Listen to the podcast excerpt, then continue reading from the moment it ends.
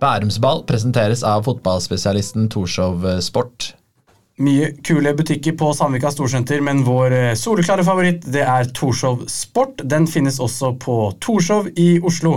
Sjekk også ut torshovsport.no. Bærumsball, Bærumsball. Du hører på Bærumsball, en podkast om bærumsfotballen av Endre og Even Lybekk. Ja, da er vi klare her med en ny episode av uh, Bærumsball. Og nå har vi med oss en gjest som uh, vi har hatt lyst til å ha med lenge, Even. Og vi satte opp liste over hvem vi ville ha med, så var Jan Åge Fjørtoft høyt over på lista. Det stemmer. Vi prata litt sammen, og så har det gått to måneder plutselig nå. Nå har vi han her i studio, så det er veldig hyggelig, Jan Åge. Velkommen. Ja, det er veldig hyggelig å komme, og jeg elsker når det er lidenskap både om lokalfotball, men selvsagt også fotball som er nær meg, for jeg bor i området. Ja, for du er en, du er en opptatt mann. denne her episoden har vært planlagt lenge. Even, det var, du, det var du som holdt kontakt med Jan Åge. Når dere hadde kontakt først i januar? Og så plutselig bare ja, jeg kan i slutten av mars. Ja, og da tenkte vi det er bra å ha en fastsatt dato. Nå har det har gått veldig fort, selv om jeg husker da vi snakka sammen, så var det sånn så lenge til. Og nå sitter vi her, så det er veldig, veldig bra. Ja, for kan du ta det litt først. Du har jo, da har du tydeligvis en ganske tight schedule, mye som skjer eh, på kalenderen. Hva, hva, hva er det som du holder på med mest om dagen, utenom uh, Viaplay selvfølgelig, hvor vi ser deg som, uh, som ekspert på Premier League og det hele?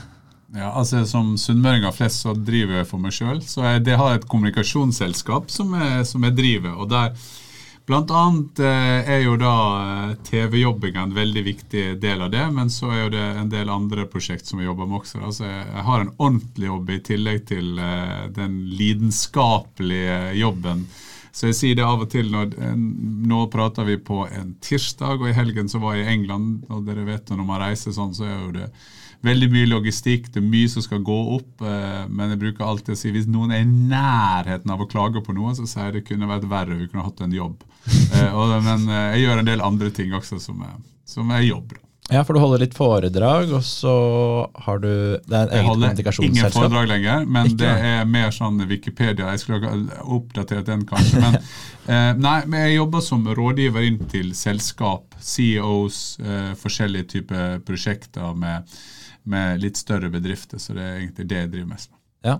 Det er, nok, det er, nok, av tidligere fotballspillere og utøvere som går rundt og sier hvordan, skal, hvordan, næringslivet skal lære om sport. Eh, jeg syns det er nesten enda mer inspirerende å finne ut hva vi sportsfolk kan lære av næringslivet. Så jeg har snudd litt på det de eldre har blitt. Ja, men Du hadde litt foredrag før, gjorde du ikke det? Jo da, ja. absolutt. Og jeg, jeg gjør det eh, av og til nå også. Mm. Men eh, mer sånn type kan være en konferanse der man leder med konferansen, når du har andre som uh, holder foredrag. Uh, ja.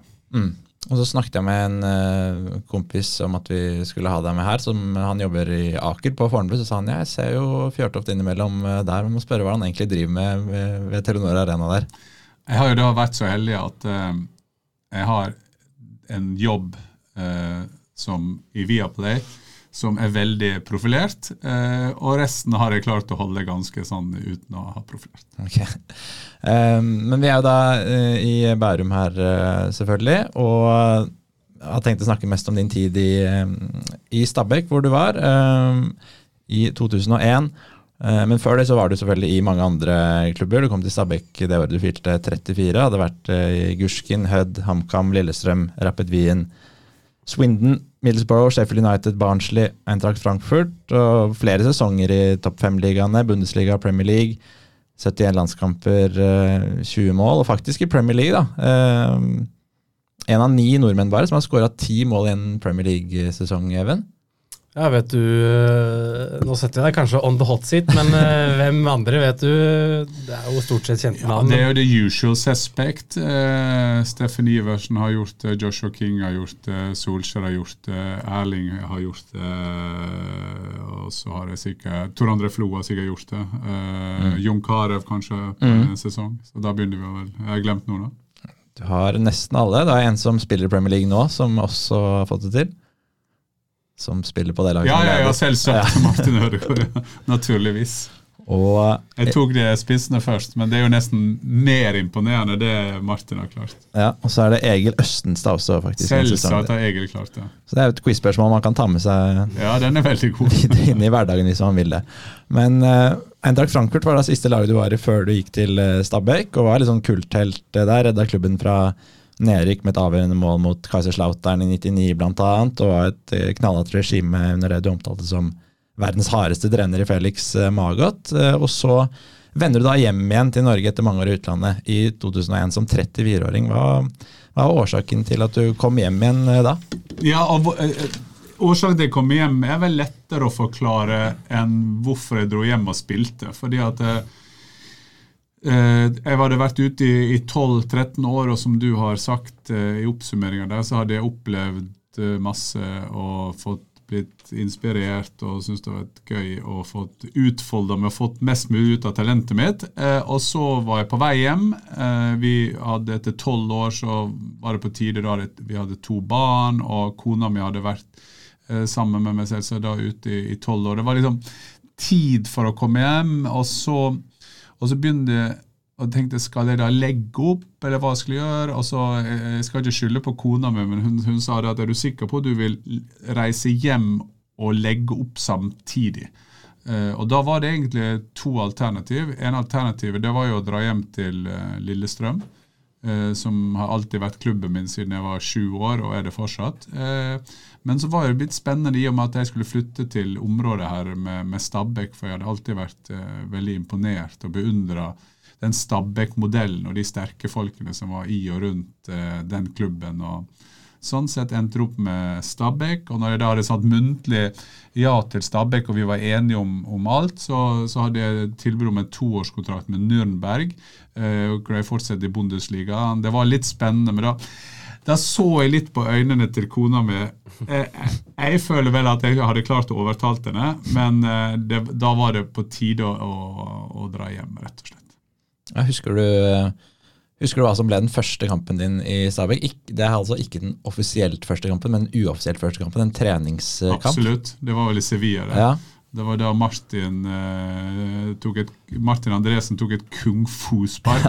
og kampen ble vel avbrutt, og det ble ødelagt noen garderobedører. Så det var, det var rock'n'roll. Ja, det, var, det, er jo et, uh, si, et legendarisk YouTube-øyeblikk også. Det er jo det mye skal vi gå gjennom litt som skjedde den sesongen, uh, som, uh, som, har blitt gode klipp i etterkant. Men blant annet den, som du sier, mot Sevilla, hvor det kom politi løpende ut på banen. og Dere leda 1-0 mot Sevilla, som rykka fra Segunda den sesongen, så det var en, en god start på Stabæk-livet ditt, vil jeg tro.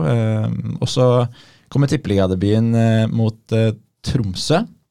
Eh, hvor det ikke går like bra mot som eh, Sevilla. Hvor eh, du begynte på benken, og da ble det Vi har gjort litt research, selvfølgelig, gått gjennom litt artikler jeg husker. Jeg skal, jeg skal, si det, for jeg husker det ganske godt selv. Ja. Fordi at Vi hadde jo da hele vinteren med Anders Linderoth. Vi hadde jo da trent på å spille oss ut bakfra. Eh, nå er jeg allergisk mot lag som ikke er gode nok, som spiller oss ut bakfra. Så hver runde når jeg ser i Bundesliga, i Champions League, i engelsk fotball, da vil si at det er i snitt fire-fem mål som kommer på lag som spiller oss ut bakfra. Og da pleier jeg å si det at det er bare ett eller to lag i verden som skulle få lov å spille ut bakfra. Og så vet jeg at det er fordi at jeg har spilt på andre typer lag som har vært dårligere enn de vedkommende lagene. Men når dårlige lag spilles ut bakfra, da får jeg helt allergiske utslag. Og, og, det som skjedde, var, var at Stabæk var ikke noe dårlig, og Linderoth var en god trener, og vi trente godt på det. men det var ikke så lett når du kom til seriestart og Nadderud, som er fem minutter unna her, når da banen så ut som en potetåker, og vi skulle da spille mot Tromsø og jeg tror det det var eh, eh, han reservekeeperen Rotevatn som sto i mål den kampen. og Jeg tror han skulle da sette i gang bakfra, og vi tapte 3-0. Og Jeg satt på benken, var frustrert over at jeg, jeg kunne vært i Bundesliga, men satt på benken på en potetåker. Og så husker jeg det at det, av at jeg skulle gjøre om huset mitt, så jeg, jeg bodde i, i, en Det var en leilighet husen for jeg hadde kjøpt nytt hus her oppe eller her, og så, og så sa jeg det at eh, noe som sa at eh, her tar man meg hjem på 40 kvadratmeter og pizza Grandiosa eh, for å sitte på benken. og så ble så Det begynte ikke så bra, den der eh, debatten rundt det. Eh, I etterkant så kom Thomas Finstad til meg. Han spilte jo, han var en av ungguttene på laget den gangen. og han, han, var en veldig morsom fyr, og jeg hadde veldig fin kontakt med han. En veldig, veldig god, god gutt. Og så kom han og sa til meg at ja, jeg bor jo på mindre enn 40 kvadratmeter. Hvordan, hvordan, var formen din da du kom til Stabæk og etter den vinteren? Nei, Den var ganske god, for at jeg dro jo for Bundesliga i mars, så det gikk ikke på det fysiske formen min. Jeg tror det hadde, det, det handla om og det har jo man sett med flere som har kommet fra utlandet. Du undervurderer den der Hva skal jeg si Hvor henter du driven din fra? Hvor henter du jeg spilte siste kampen mot Hamburger Sportsfrein. Jeg kom inn for, uh, for Eintracht i den kampen. Jeg gjorde en assist. Det var 50 000 på tribunen. Uh, og så kommer du hjem til jeg sier ikke engang tabloid, men den gangen var det sånn. Det var en potetåker og 4177 tilskuere. Og jeg sier det heller ikke, for jeg er en veldig stor tilhenger av lokalfotball. Jeg egentlig kritiserer meg selv eller de som kommer hjem, det at man er ikke forberedt nok på at det er en helt annen type hverdag. Og, og, og, når jeg tenker top of my head, en av de som klarte det, var jo Jostein Flo. Han gjorde en fantastisk jobb etter han kom hjem til norsk fotball. Mens meg og flere, vi var ikke helt mentalt klare på å ta neste steg. Ja, så Litt seig start der, som du sier, men så ble det jo to mål i to strake kamper for deg etter det. Matchvinn mot Bryne og to mot uh, Godset i 4-0. Uh, seieren. Eh, hvordan var det? Jeg skal si Bryne, da, ja. det var jo neste greie. Så kom vi til, til Bryne kamp to, og som du sier, så starta jeg eh, Jeg skulle starte den kampen. Og så, Det er ett hotell på Bryne, og, og, vi hadde jo da ikke dagrom. og Jeg husker at vi, vi lå og sov i resepsjonen før kampen, det var helt greit. Men, og så husker jeg kjøpte lokalavisen eh, i Bryne for å få tiden til å gå på kampdag. Og da var det keeperen til Bryne Nå husker jeg ikke helt hva han het. Jeg lurer på om han heter Eskeland. Roger Eskeland eller annet sånt. Ja. Keeperen til Bryne i hvert fall. Han sa i lokalavisen, og så skrev han 'Fjørtoft', utropstegn. Er ikke det en fyr som skårte et mål en gang, viktig et mål for Norge en gang i 93, sa han. Eh, og, det, og, det, og, det, oppsummerer litt når jeg kom hjem, for at det ga meg liksom en boost da, som jeg trengte, og jeg skåret seiersmålet. Og løp selvsagt bort til keeperen til Bryne, og så sa jeg det at eh, nå kan du også huske meg for det målet jeg skåret mot eh, i 2001. Jeg fikk et litt omvendt uh, utslag. Han ville vel sikkert uh, fått det motsatt? Ja, jeg kjente meg dårlig for det. ja, så der, der, var det litt uh, flyt, og så mot Godset 4-0-seier neste, hvor det ble to nye mål. og så går det en rekke på seks kamper uten uh, scoring. Annet den siste der må vi snakke litt om, hvor dere taper 1-8 borte mot Brann. Eh, som da ble siste kampen til Anders Linderud. Han trakk seg etter det, og det er jo tidenes største Stabæk-tap, sammen med 0-7 mot Lillestrøm i Telenor Arena i mars 2011. Jeg, jeg, var der på begge, faktisk. Ja, Uja skåret vel fire ja. inn i hallen tidlig der. Hvordan husker du den, eh, ja begge to for så vidt, men den brannkampen først? 1-8 borte i Bergen, det er jo tungt, selvfølgelig. Jeg husker at vi um, siste, siste halvtimen så følte jeg at jeg var kun borti ballen når vi tok avspark. og jeg syns mest synd i, i Linderoth, for Linderoth var en veldig fin fyr. Han var en veldig dedikert fyr. Han hadde veldig greie på fotball. Han um, han laget jo, han var jo med på å forme den Stabæk-stilen. Eh, så jeg syns egentlig veldig synd i han. Og, og, ja, og så forsvant jo han. Mm. Da kom eh, etter hvert uh, Gaute Larsen inn som ny trener. Så kommer det en junimåned der hvor dere møter Viking, hvor, hvor det er benka hele matchen. Og så er det seier mot Molde og Rosenborg. Og den kampen mot Rosenborg er litt spesiell, fordi da kommer du inn, og da er det mange supportere fra Frankfurt som har tatt turen, og som kaster skoene sine opp i været av glede da du kom inn. Hvordan var det for deg? Jo, jeg har alltid hatt et veldig godt forhold til Eintracht Frankfurt. Og Eintracht Frankfurt-fansen, som du sa, så skåret et uh, avgjørende mål der i 99. og som alle opplevde Eller det blir jo fortsatt trekt fram i Bundesliga i historien på den mest dramatiske nedrykksstriden ever. Og så kom de til Norge, som var veldig, veldig fint. Eh, vi slo um, vi slo Rosenborg. Jeg lurer på om det er den kampen jeg fikk henta Jahn Teigen inn i garderoben. Så før kampen så tror jeg Jahn Teigen kom i garderoben og spilte gitar og sang 'Optimist'.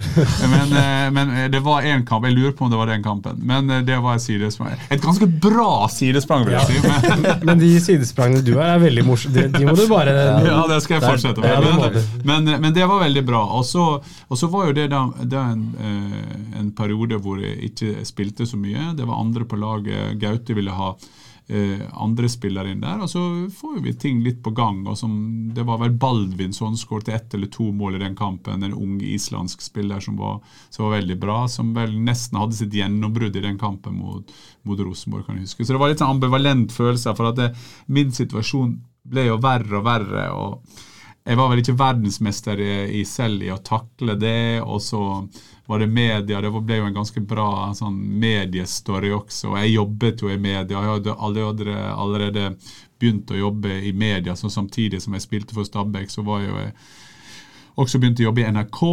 Eh, så det var, det var mange ting som, eh, som, gjorde at dette her ble en litt eh, slitsom story tidligere. Mange baller i luften, da. Ja, ja, Hvordan var mindsetet ditt da du etter hvert satt mer og mer eller mer og mer på B? Altså At du ikke fikk så mye spiltid. Du ser andre spillere gjøre det bra når du har vært veldig god tidligere. Hvordan uh, fungerte du da? Ja, igjen en ambivalent følelse, fordi at jeg har alltid vært sånn at når andre spillere gjør det bra, og du ser de utvikler seg, så er jeg veldig glad på dems vegne og gjør alt for å, for å bidra med de. Den enkle løsninga den gangen var jo det at man hadde blitt, uh, ja, blitt skada, man har holdt seg unna, man sånn, men, men det vil jeg si om Stabæk-miljøet. Stabæk-miljøet er helt unikt. Et fantastisk bra miljø. Og vi hadde en eh, Jeg bruker å oppsummere året mitt i Stabæk. Det vil si at det, jeg har aldri fått så mye gode kompiser på så kort tid. Både blant spillerne og blant ledere, og folk som jeg har kontakt med 20 år etter. Så historien og eventyret om Stabæk det er veldig veldig fint. Men, men for meg så, så, ble det en veldig tung tid. og Jeg tror høydepunktet var den sommeren jeg spilte mot Ullkisa i en andredivisjonskamp eh, her på Nadderud. Jeg var banens dårligste.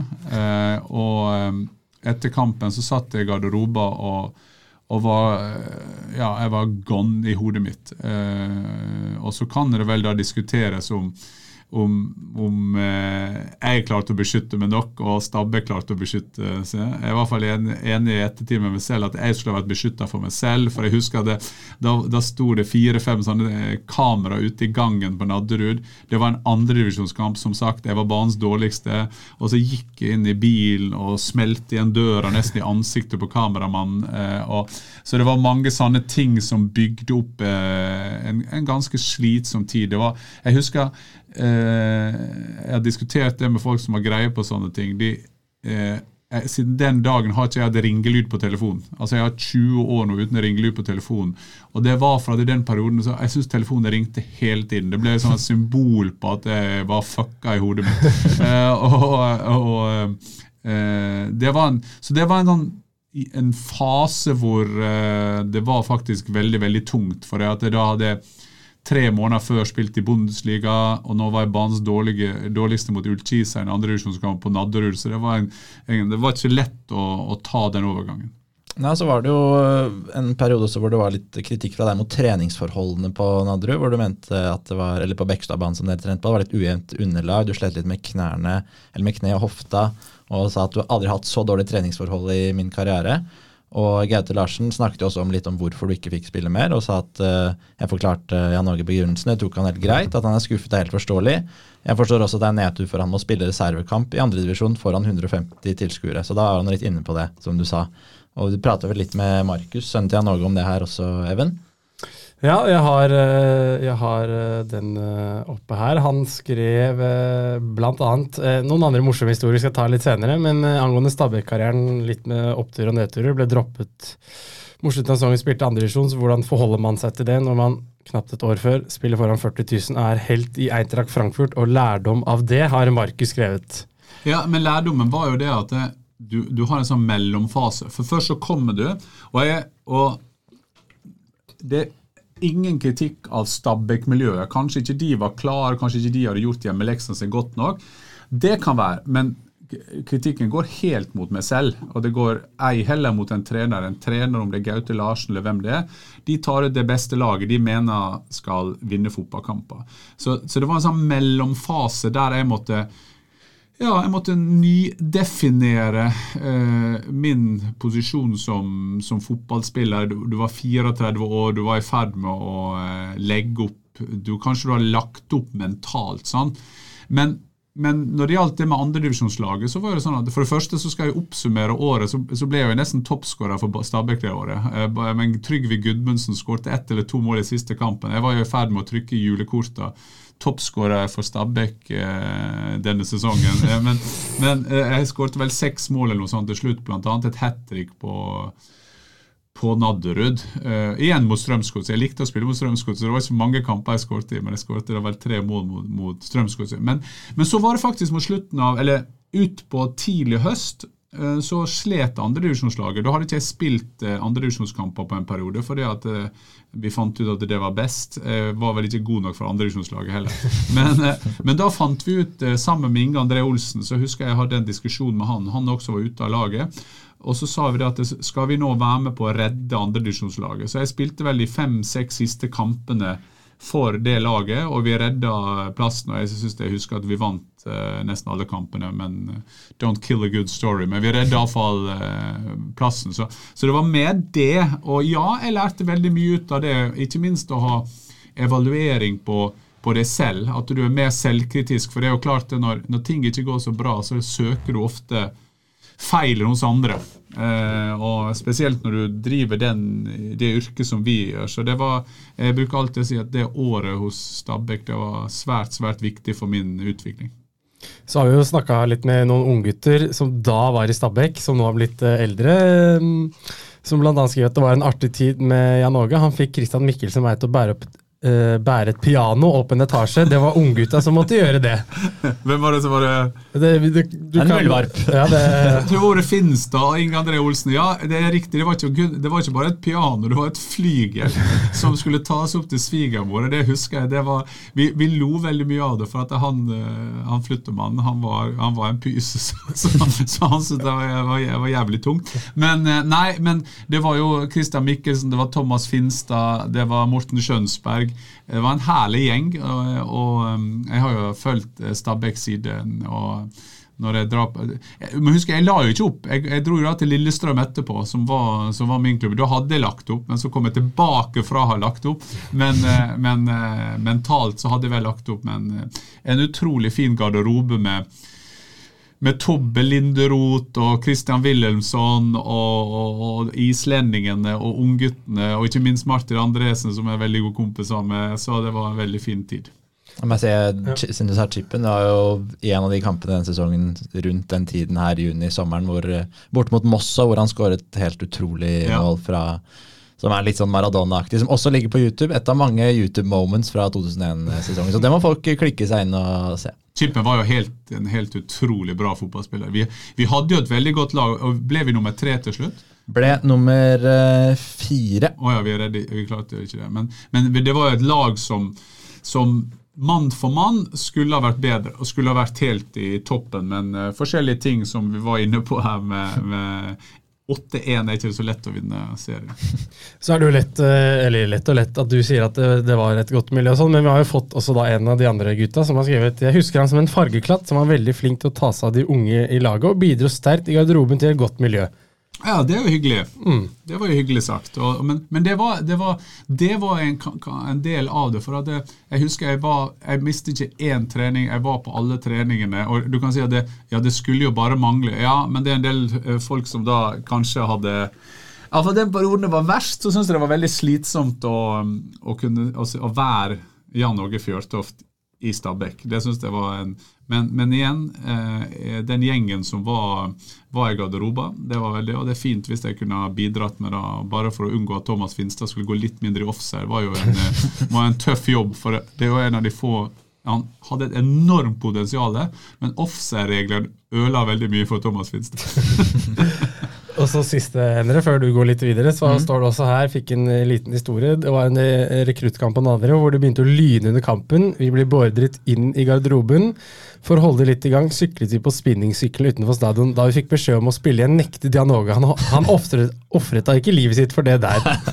Nei, og det, det, er to storyer med lyn og torden. Det, det, er jo motsatt. for at Senere så kom jeg til Lillestrøm, eh, og det er helt riktig. Jeg husker, jeg går ikke, Det var jo sikkert en, en konsekvens av at jeg var drittlei.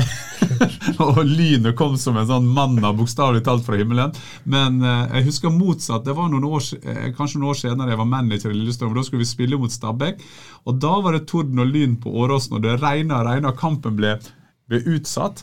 Og Da husker jeg sa til, til, våre gutter at nå må dere gå ut på banen og stå der og bare regne ned. For den Stabæk-gjengen de vil ikke gå ut når det er regn. Eh, så det, altså, det, det, snudde på noen år.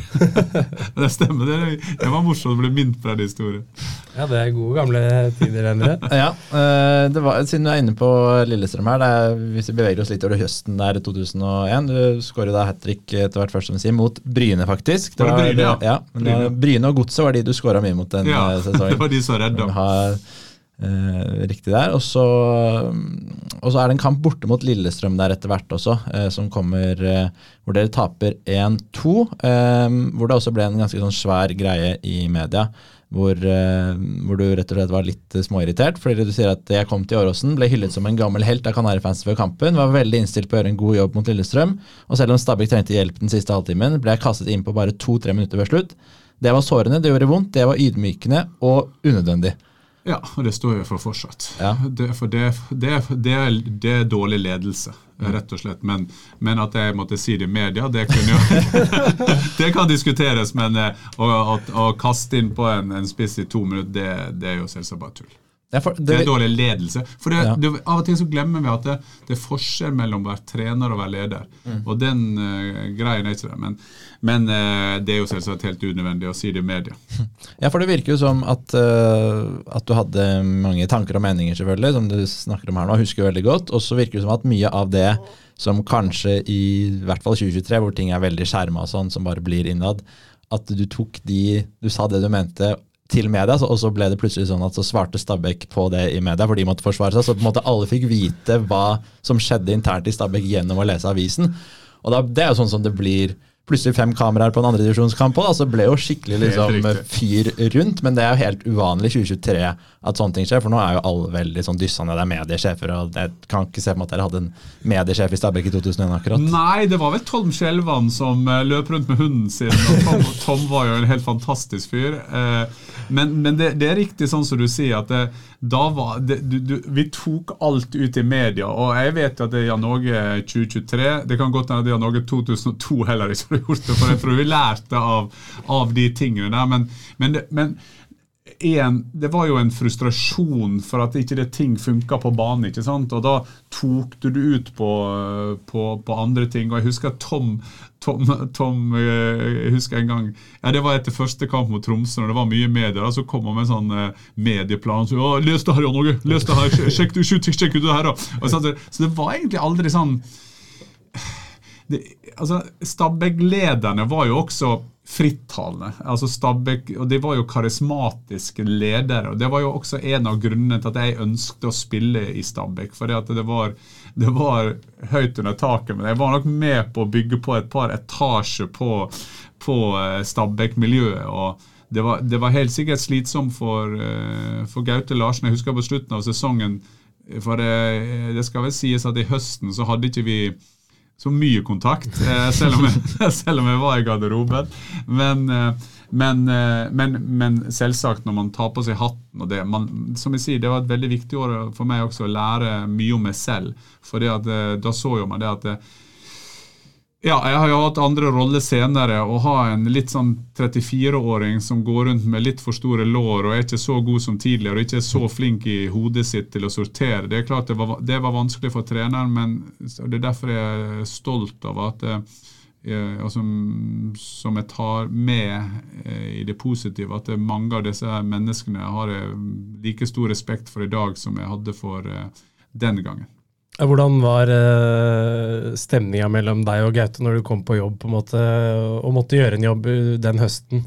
Ja, den, den, var, den, var, vel det man i norsk fotball ville kalle profesjonell.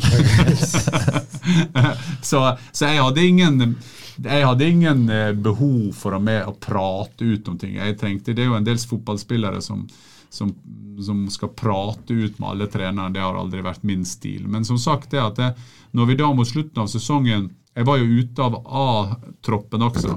Eh, men mot slutten av sesongen, eh, da vi, eh, da vi tok en dugnad for det andredivisjonslaget, så, så, så, så, så den høsten så endra, tror jeg, det til. For da blir det mer profesjonelt i det at vi gjorde, gjorde jobben, og nå måtte vi spille fotball. og, og eh, ja, og det andredivisjonslaget ble, det ble gøy å spille der. Jo, men igjen, det er jo ikke at det ble gøyere å spille der, det var jo gøyere i mitt hode. Så det var jo jeg som forandra meg. Det var jo ikke miljøet som forandra seg. Det var, det var, jo det mer eller mindre stabilt. Og, ja, og jeg forstår det at det var ikke så lett å ha en frittalende gammel mann i garderoben. Men i garderoben så var det veldig, veldig god stemning, og det var en, som sagt en meget god garderobe. En av, en av de beste garderobene jeg har vært i.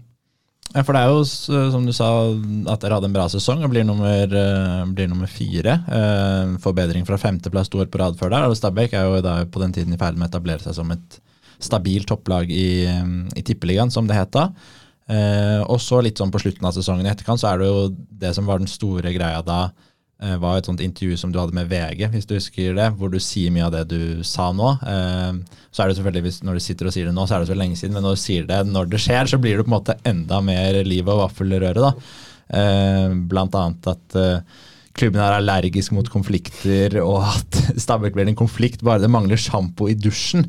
Selv om det var sagt på en litt ironisk uh, måte.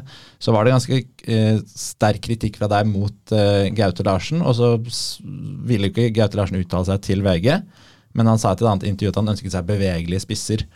Og så går da Ingebrigt Jensen og Erik Lo ut og kritiserer dine uttalelser og svarer deg igjen i media og mener du har dårlig selvinnsikt og utrent. Hvordan hvordan var det liksom for deg å stå oppi alt? Du sa jo at mobilen bare ringte og ringte, men var det sånn at, du, at det var helt greit, eller det, gikk det inn på deg når ja, det, gikk, så mye greier? Ja, det gikk mye inn på meg, men når vi hører de uttalelsene jeg hadde mot slutten av sesongen, så har det ikke gått så mye inn på meg. men, men, men det, som ble, det, som ble, finalen på mange måter, det var jo det at eh, jeg hadde jo en toårsavtale med, med, klubben, og så ble vi enige om eh, etter sesongen om å om å terminere den da, og bli enige om, uh, om en, en, sluttpakke på den.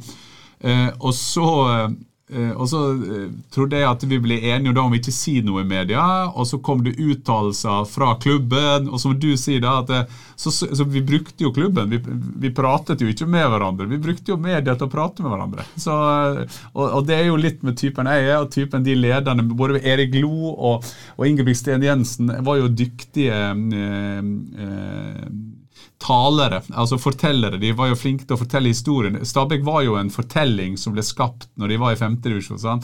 Og så, så, endte vi opp i noe som het eh, Var det tabloid det het? Eh, der Erik Lo eh, og meg og Erik Soler var gjestene. Og, og da var jeg helt til det siste var litt i tvil om om hvem jeg skulle være. Skulle jeg være han som la seg helt flat, eller skulle jeg, være, skulle jeg gå attack? Eh, og Da var det vel kona mi som kjenner meg best, som sa det at eh, når hun så, altså, Da begynte Erik Lo og Erik Soler var da psykolog, eh, utdanna psykolog, så han var på en måte henta en sånn eh, fredsforhandler. og Det er jo morsomt når vi tenker nå i 2023, som du sier, med alle mediesjefene som finnes. Mm. Og, og, da husker jeg at Erik Soler Nei, nei, Erik Lo begynte sendinga med å si at det, Jan, altså Før jeg hadde sagt noe, så sa han Jan Åge er en som står opp hver dag og tror at solen har stått opp for han. eh, og eh, det var jo bra eh, Det skal han ha, det var et veldig godt statement. Det var vel en kompis som hadde ringt til moren min og så sagt at han skulle ønske at han hadde var en Eller han sa til moren min han skulle ønske at han trodde at solen sto opp herfra. Og da, og da får jeg en sånn før jeg ble flink til å styre sånne ting, så fikk jeg sånn med leppa mi at leppa mi drar seg inn mot eh, tennene. Og da bare gikk jeg i full attack-modus. Og resten av eh, den tabloid eh, som Pål Jørgensen eh, løste, det var eller ledet, det var bare en sånn verbal eh, wrestling-greie. Og og Det var naboen min som, som noen dager senere hadde sittet og sett uh, denne sendinga med sin tolv år gamle datter. og Hun visste ikke bakgrunnen, hun visste ikke hva egentlig de satt og så på. Uh, og Da snudde hun seg mot faren sin og så sa han, 'Pappa, hvem tror du vinner?' så det, det, var, det, ble litt sånn, uh, og da ble det mye skriveri igjen. Og så Et par-tre uker senere så møtte Erik Lo på, på, et event, og da klemte vi hverandre. og så var vi ferdig med den saken. og Paradokset er jo det at eh, Erik Lo er jo en av de som jeg har samarbeidet mest med eh, inn mot eh, Norges Fotballforbund. Så ja.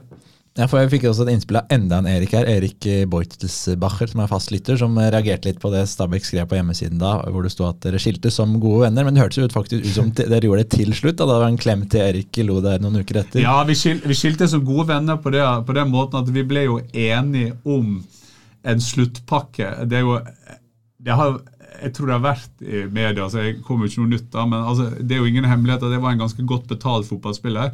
Eh, og, og, så husker jeg Ingebrigt Sten Jensen når vi skulle forhandle om det, og var Jan Øken var der i tillegg en, en Stabæk-legende. Så vi fant en, en, en, løsning som gjør at vi blir, blir gode venner. Så er det jo, eh, som Endre har fødet litt her, da, at eh, du, før vi liksom legger Stabæk-tiden helt bort eh, Stabæk drømmer om å hente stjernespillere til klubben, men da må de ha en trener som tåler spillere som ikke er klippet i A4-format.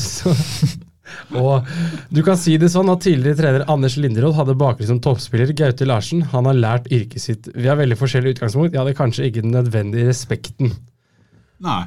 Det Ja, altså, jeg rødmer jo mens jeg sitter her. For det er klart at det, dette er jo ikke noe som Om jeg har rett eller ikke rett, det er jo en annen diskusjon. Men, men selvsagt så skal jo en spiller ikke si sånne ting. Så, så det var en ganske fargerik periode. Og, men igjen, eh, it's all down to me. Fordi at eh, Gaute Larsen han var, var trener. Gaute Larsen fikk sin første jobb. Han gjorde det han mente var riktig. Og, ehm, ja, og han gjorde jo en god sesong, som du sa, at vi, vi redda inn en fjerdeplass ehm, den sesongen.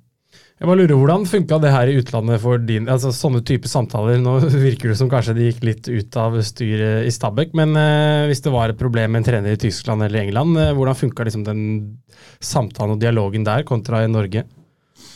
Ja, Norge er jo en søndagsskole sammenlignet med hva som er ute. Uh, og dette var jo bare noe som kom oppblomstra. Jeg har vært med på å organisere og fått sparka trenere, så har eh, så, så uh, jeg var nok snille versjon av meg selv, selv om, selv om, dette her var litt utypisk norsk. Men i England var det sånn at da I England så var managerne ja, det var, det var det gaffa. Altså, det var ikke så mye intrig og konspirasjon rundt en trener. For var, du forholdt deg egentlig bare til det gaffa, manageren. Så du hadde styret og alt sånt rundt. Det hadde ikke du så mye kontakt med. I Tyskland så var det annerledes, for der har du sportsdirektøren, presidentene var nærme, visepresidenten.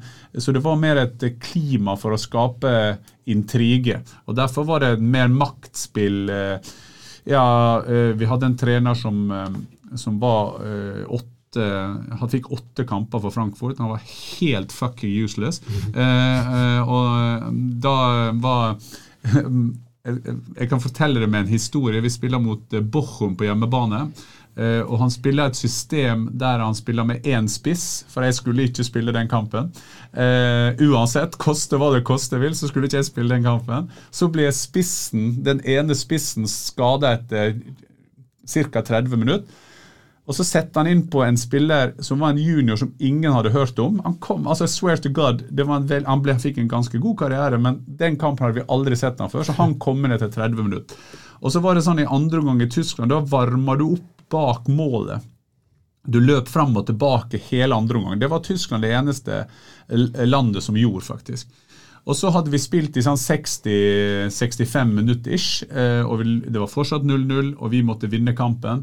Eh, og så tenkte jeg at nå orker jeg ikke mer. Og så gikk jeg bort til, uh, til benken, og så tar jeg av med uh, overtrekken tar teip på, og publikum da, de sier 'fjøta, fjøta'. Og så stiller meg ved siden av treneren, denne her fucking useless treneren, og så står han sånn som alle nå illustrerer, men du kan se for deg en tysk trener med sånn Roish på sidene på skjorta si, som er sånn sponsor som hadde, og så ser han bort på meg, og så plutselig han får jo helt sjokk når han ser at jeg står der.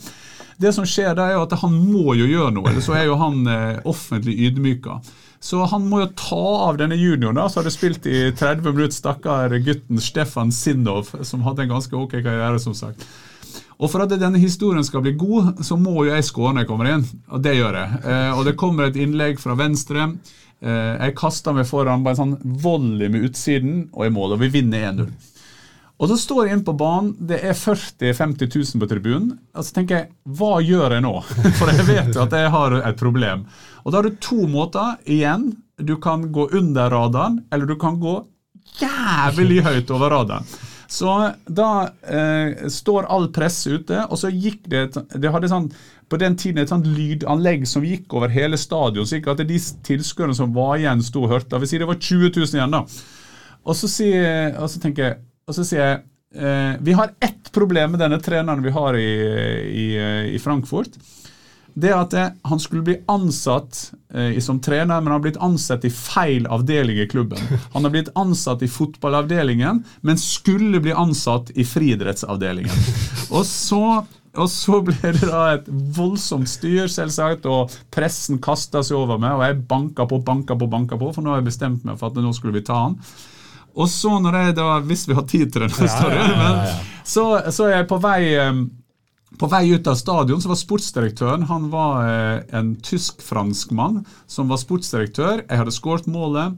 Og så går jeg ut på stadion. Husker jeg går til bilen, jeg har med barna mine og kona mi, og så sier jeg du, jeg lurer på om vi har et problem i morgen. Og så sier han eh, altså, Hva mener du? sier han på tysk. Og så sier jeg nei, jeg tror jeg har vært litt hard i media. Og så sier han ja, men hva kan gå galt? Du har skåret seiersmålet. Vi, vi ordner seg alt i morgen. Vi ser hos treneren.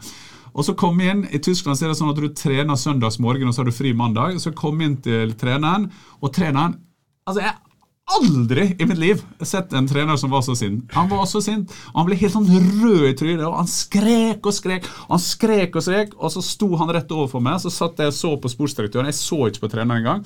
Og så sier, og så sier han eh, treneren um, eh, Nei, så, så, så, når han var, så sa jeg når han hadde skreket i, i fem minutter, så sa jeg 'er du ferdig'? Uh, nei, jeg ser på sportsdirektøren og så sier er han ferdig nå? Uh, veldig stygg. Og så sier jeg ja, og så sier jeg, men hører du hva han holdt på med? Vi har vunnet 1-0, og han er opptatt av at ikke jeg, ikke spilte godt i en treningskamp på onsdag. Og så gikk jo døra, så tenkte jeg skulle smelle igjen døra bare for å vise det, men så var det ingen sånn uh, Det var ingen fjær på døra, så, jeg, så døra sånn falt av halvveis opp, øpperst på døra. Og så Vi er ikke ferdige.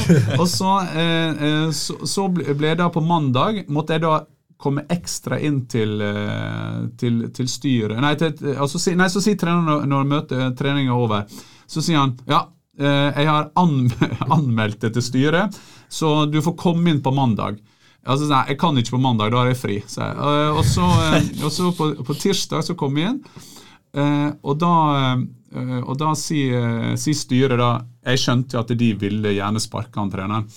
Og så sier de at eh, jeg skal få eh, eh, mye bot og fram og tilbake. Og så, og så, var jeg helt rolig, og så sier de at det, hvis dere prøver å gjøre noen ting mot meg, så skal jeg hente advokaten til eh, OJ Simpson. Johnny Cochran, uh, så vi skal tilbake 20 år. Han var verdens beste advokat. Og så sier han advokaten som var visepresident, og så sier han ja, men jeg kan hjelpe det, jeg også. Og da følte jeg hadde vunnet. Så når jeg da gikk ut på treninga etter det møtet, så, så, så laget uh, treneren en, en eget botsystem. Så da sa han til meg at jeg skulle få 200 000 norske kroner i bot. og, så, og så sier han og hvis ikke du betaler det, så blir du ikke med til Leverkosen. Vi skulle spille mot Leverkosen neste kamp. Og Så bare banka jeg ham på ryggen og så sier du får lykke til, Leverkosen. Og så løper jeg inn på banen. Og En uke etterpå var han fått spark. og jeg ga, jeg ga 12 000 til Kosovo-hjelpen. Det husker jeg. Det var det som var kompromisset. Enorm uh, historie. Fem minutter lang historie. ja, jeg beklager. Nei, det var veldig god. Det, det, det liker vi her i Bærums, uh, Bærumsball. Eh, men en ting jeg lurer på med alt dette med, siden det er mye styr i media, både i Tyskland, som du sier, og i Norge. Var det sånn at du hadde nummeret til noen du kjente godt som du visste at du kunne få ut saker med, eller var det sånn at du venta til de kom på feltet eller på kamper, og at du da fikk ut alt det som du brant inne med?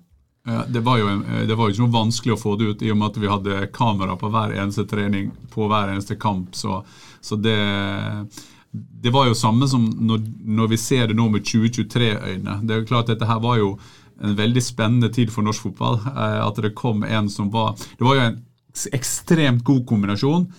En spiller som spilte dårlig, eh, kombinert med veldig frittalende. Så det, jeg, jeg trengte ikke å ringe noen, nei. Det var, vel derfor at jeg ikke har ringelyd på telefonen lenger. Mm, ja, og så er det altså sier de Stabæk- Stabæk-gutta som du nevnte her. Det var jo et, eh, det var et eh, kult Stabæk-lag. Eh, Er det mange de har kontakt med den dagen i dag? Absolutt, og så møtes jo vi i forskjellige roller. ikke sant? Du har Flem som er på, hos NFF, og så nå rundt landslaget. Eh, når jeg drar på kamp hit opp, så ringer jo jeg Finstad og, og Inge André når han var her. og og så videre, så møtes man, og så følger man med hverandre, som fotballen gjør. Eh, med Christian Mikkelsen, som har gjort det bra med Kristiansund, bortsett fra, fra sist sesong osv. Men den som jeg sikkert har mest kontakt med, Martin Andresen. Vi eh, har jo frem til det siste ikke bodd langt fra hverandre, og så han er en god kompis. Og så tenkte jeg på det du sa med, med media, hvordan ting kommer ut. og Jeg hørte også en, eh, si, en veldig profilert norsk trener som har vært i utlandet, som, eh, som reagerte på at det var veldig mye som kom ut fra klubben han var i, som kom ut i en veldig stor avis, nesten før han visste det engang. Og så husker jeg han fortalte at uh, han ble helt sånn satt ut av at hvem, hvem er det som liksom lekker informasjon her, da? Hva, hva er det som skjer? Uh, for å liksom prøve å forstå mekanismene, og så fikk, fant han aldri ut av det. Så han møtt den eh, journalisten som hadde skrevet mange av disse sakene noen år etter. Og så hadde han spurt bare sånn, så hadde de hatt en hyggelig lunsj og var ferdig. Og så hadde han sånn, du, bare, hvem var muldvarpen liksom? Hvem var han som sa alt som skjedde i garderoben, og som omtrent fikk meg sparket? da?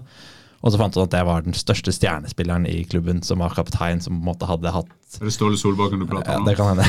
Eh, men, men, eh, men det var jo at Ståle, når han dro til, til Tyskland den gangen, så var jo ikke han helt forberedt på det. fordi at det, det, Og den dag i dag, nå når vi sitter her også, eh, de største mediehusene i eh, var, Han hadde ikke bare én muldvarp, så historien til Ståle blir egentlig ikke god nok. For det, det er flere muldvarper i en klubb som prater til Sportbil, Kicker, Die Welt, Sky osv. Så, videre. så det er muldvarper i hver eneste klubb. Eh, selv på Bayern. Du ser nå Bayern nettopp har vært en stor skandale i anførselstegn der treningsplanen til eh, Nagelsmann ble, ble offentliggjort i Sportbil. Altså mm. selve papirene, så, eh, så det, det er litt andre forhold ute, ja. Mm.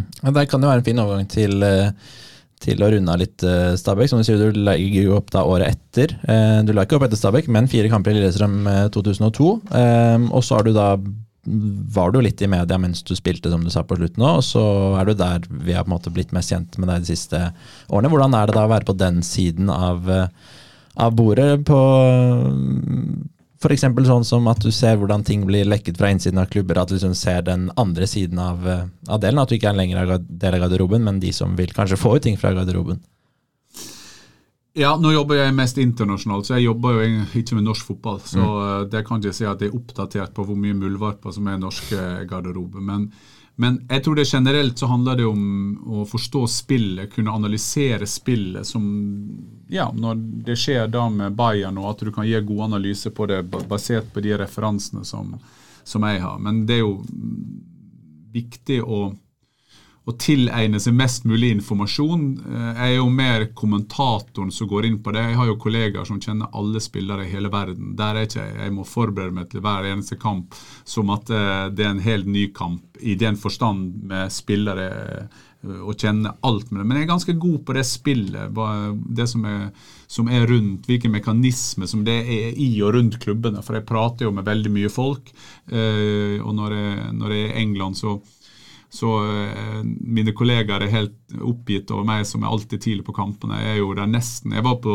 eh, Etihad nå på lørdag, og jeg var vel nesten han som var med på å åpne stadion på den, eh, på den dagen. Så, så jeg er veldig nysgjerrig på å, å forstå spillet. Eh, og så må man da skille mellom det som er det som er planta, og det, noe blir jo planta, men samtidig så er jo det et spill og en balanse også mellom å, å finne ut, uh, finne ut uh, ting eh, i og rundt klubbene. og når, når vi fikk nå engelsk fotball, og når jeg sier vi, så sier vi Viaplay Når vi fikk eh, engelsk fotball, så var jeg veldig opptatt av å, å prøve å, å få norske seere til å forstå hvordan mekanismene er i engelsk fotball. og mm, Senest nå med når Patrick Vieira fikk, fikk, sparken, så var det veldig viktig for meg å kunne gi en, eh, en god kommentar på ting som ikke du kan google det fram til. Det må jo da være min styrke.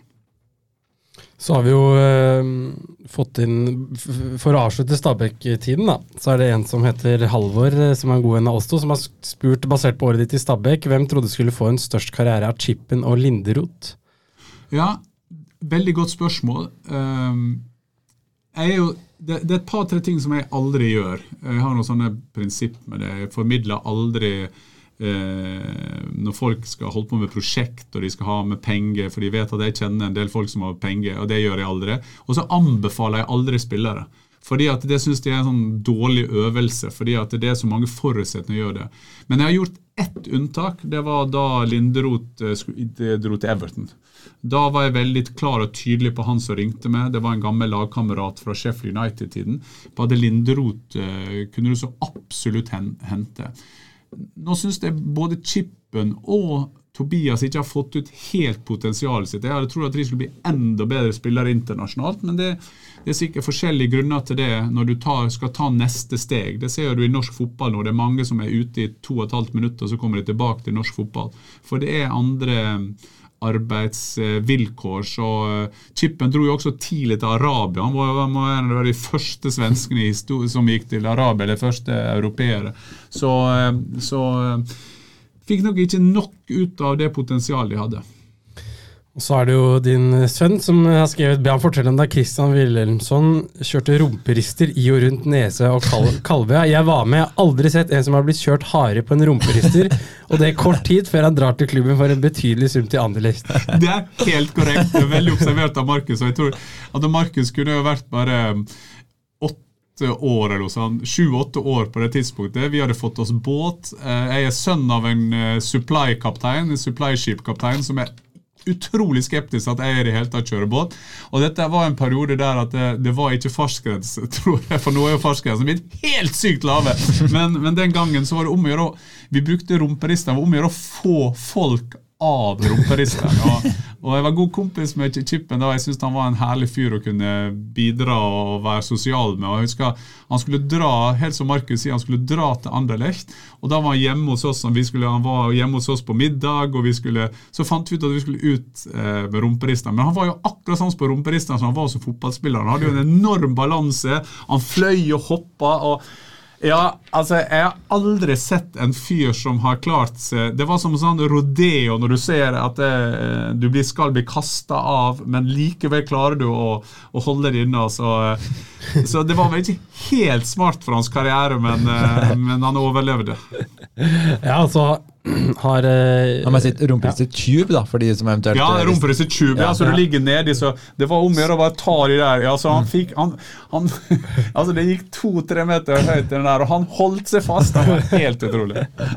og for å, for å, ta det litt inn igjen, da, på, på Bærum med 94-årgangen, så han skrevet, spør han også om da han var på Dana Cup og storkampen mellom Brescia og Bærum i åttedelsfinalen, der han havnet i konfrontasjon med en italiensk forelder. Si, for du, du trente jo da Bærum G94 litt, der hvor Markus spilte. og og mange flere gode. Det kan vi komme tilbake til etterpå, men ta Brescia først. Ja, jeg vil bare si at Det var ikke jeg som trente, det var Tor Berntsen. Legenden Tor Berntsen. så det okay. er vi nødt til å komme inn på. Men jeg var med som en sånn eh, eh altmuligmann i trenerapparat. Og ja, Så spilte vi mot Brescia, og i Dana Cup så tror jeg det er sånn at du kan spille med to overårige. Eh, var en sånn rar regel som Tor Berntsen ikke likte i det hele tatt. Og, og sammenligna med det lille 94-laget som vi hadde, så, eh, så, følte jeg at de hadde skjegg. De hadde i hvert fall eh, hår på kassa, flere av de spillerne. Og våre spillere de, de hadde ikke kommet i stemmeskift engang. Og, og, og, jeg tror det var 0-0, og vi spilte veldig bra, for det var et veldig godt eh, Bærum 94-lag. Og så eh, altså Bærum-foreldrene på den tiden Ingen nevnt, ingen glemt, men det var, det var en del usaklige. og jeg var sikkert en av de mest usaklige på det tidspunktet. Men så er det helt riktig at det er en av de foreldrene eller en i støtteapparatet til Brescia, fordi du følte at de hadde satt sammen et regionslag eh, og kom der, og de var så store og sparka ned de gutta våre. Og så For å gjøre en lang historie kort, så, eh, så, fant jeg ut at da skulle jeg da beskytte alle og gå i, i disku, diskusjon, som det heter, i anførselstegn, med han Brescia-mannen. Og han, ja, han eh, Ja, altså Det endte iallfall opp med at eh, jeg nevnte at det har vært noen undersøkelser på størrelse på kjønnsorgan i Europa, eh, og Italia ikke kom så godt ut. Eh, eh, og Det var vel da signalet for meg for at jeg, husker at da løp han mot meg. Jeg husker Han banka, han slo meg inn i, i brystkassa, og da heldigvis så tenkte jeg at det, mm, foreldre, far, går amok på Dana Cup. Det var en dårlig historie, så jeg, så jeg trakk meg stille tilbake. Nei, men Det var et veldig bra Bærum GNT4-lag som Jan Åge var med rundt. da, Noen bra navn der. Ja, ja? Eh, ja, Hvem husker du best? Eller Ja, jeg husker først og fremst for at vi, eh, vi spilte på Nesa. eh, Eller det var klubben vår, og Markus spilte der til han var tolv år. og Så dro han til rett over vannet til, til Bærum og Kadettangen. Og vi hadde seks-sju år, veldig fine år hos Bærum. Og komme ned til vaffellukta og, og Bærum. Og så var det Tor Berntsen som var en fantastisk bra spillerutvikler. Eh, han hadde disiplin og orden.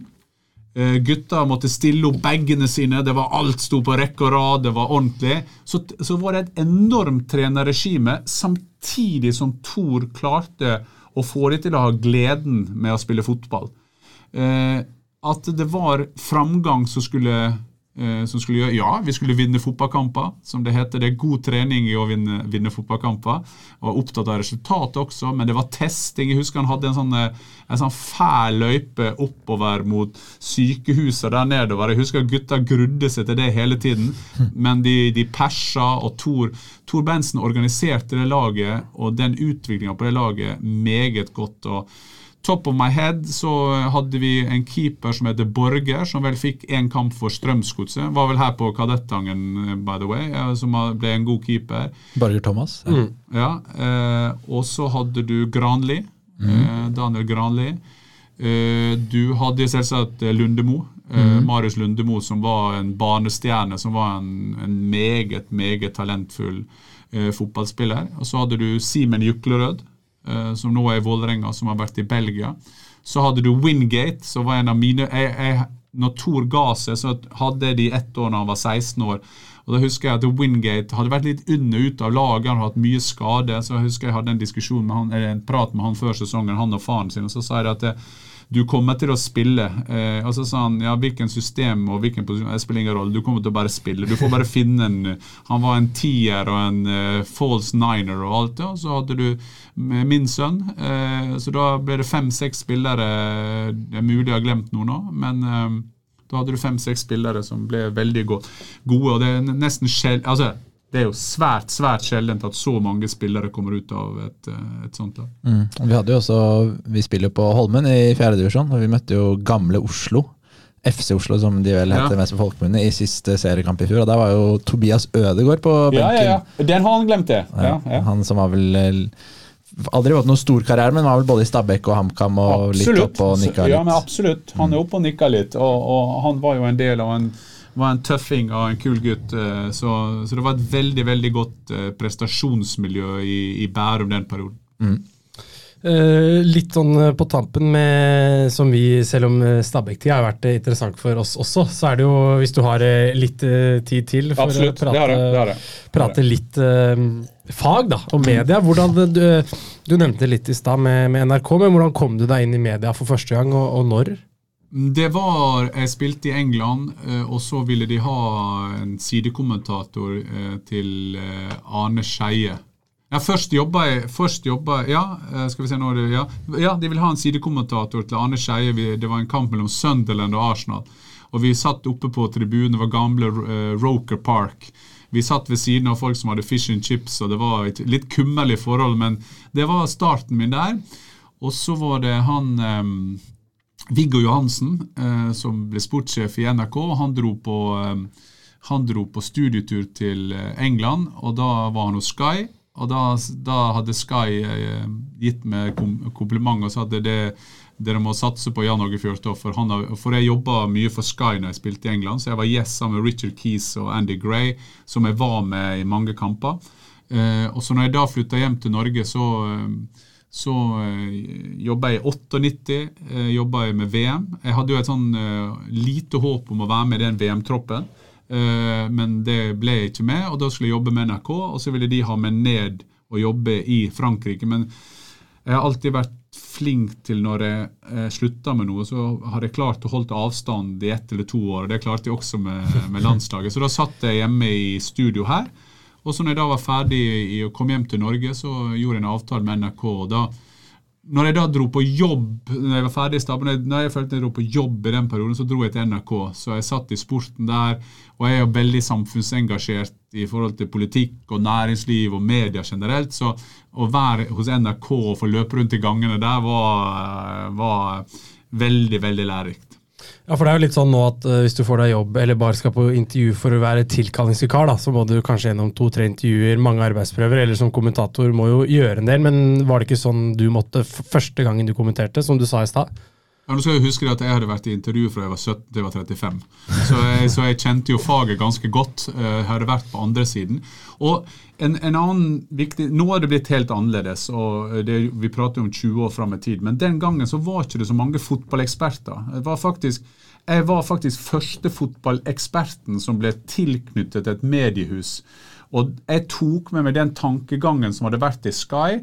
Så når jeg da gjorde en avtale om å være eh, fotballekspert på norsk fotball, så fikk jeg også inn i avtalen at skulle jeg være en god ekspert, så måtte jeg være med på, på alt. For jeg, jeg, måtte jo da, mm, for å bygge opp min troverdighet som fotballekspert, så måtte jeg være på Eh, den perioden så hadde NRK landskampene på hjemmebane, mens det var TV3 som hadde det på bortebane. Men så, men så gjorde vi det sånn at jeg, jeg ble med på de bortekampene. Og så hadde vi et innslag i Sportsrevyen og i Kveldsnytt Nei, unnskyld, eh, Dagsrevyen og i Kveldsnytt. Eh, og når da jeg kom inn i NRK sånn, da jo, fikk Mini samme rollen i TV 2. Så, så vi eh, samtidig, mer eller mindre, men jeg var litt før han. Eh, men det var ikke så mye intervjuer utover, for det fantes ikke. rett og slett. Det var en ny rolle som jeg fikk være med på å definere. Nå er det så mye fotballeksperter at vi, vi, vi alle er jo fotballeksperter. Du sa Mini, jeg husker jeg prata med han en gang om litt dette med å være fotballekspert og den rollen. Og så spurte han litt ja, hvordan er det å være litt på den andre siden, og at det er du som plutselig må stille spørsmål. Men da var han veldig sånn på nei, nei, jeg stiller ikke spørsmål, jeg bare sier hva som skjer og analyserer. Og jeg, jeg er aldri sånn som stiller spørsmål, men du er jo ofte at du gjør intervjuer. Eh, det er jo det jeg gjør. Ja. Eh, så, så, men, men, min rolle var jo sånn at når jeg da har vært fire år i NRK, da var jeg fotballekspert.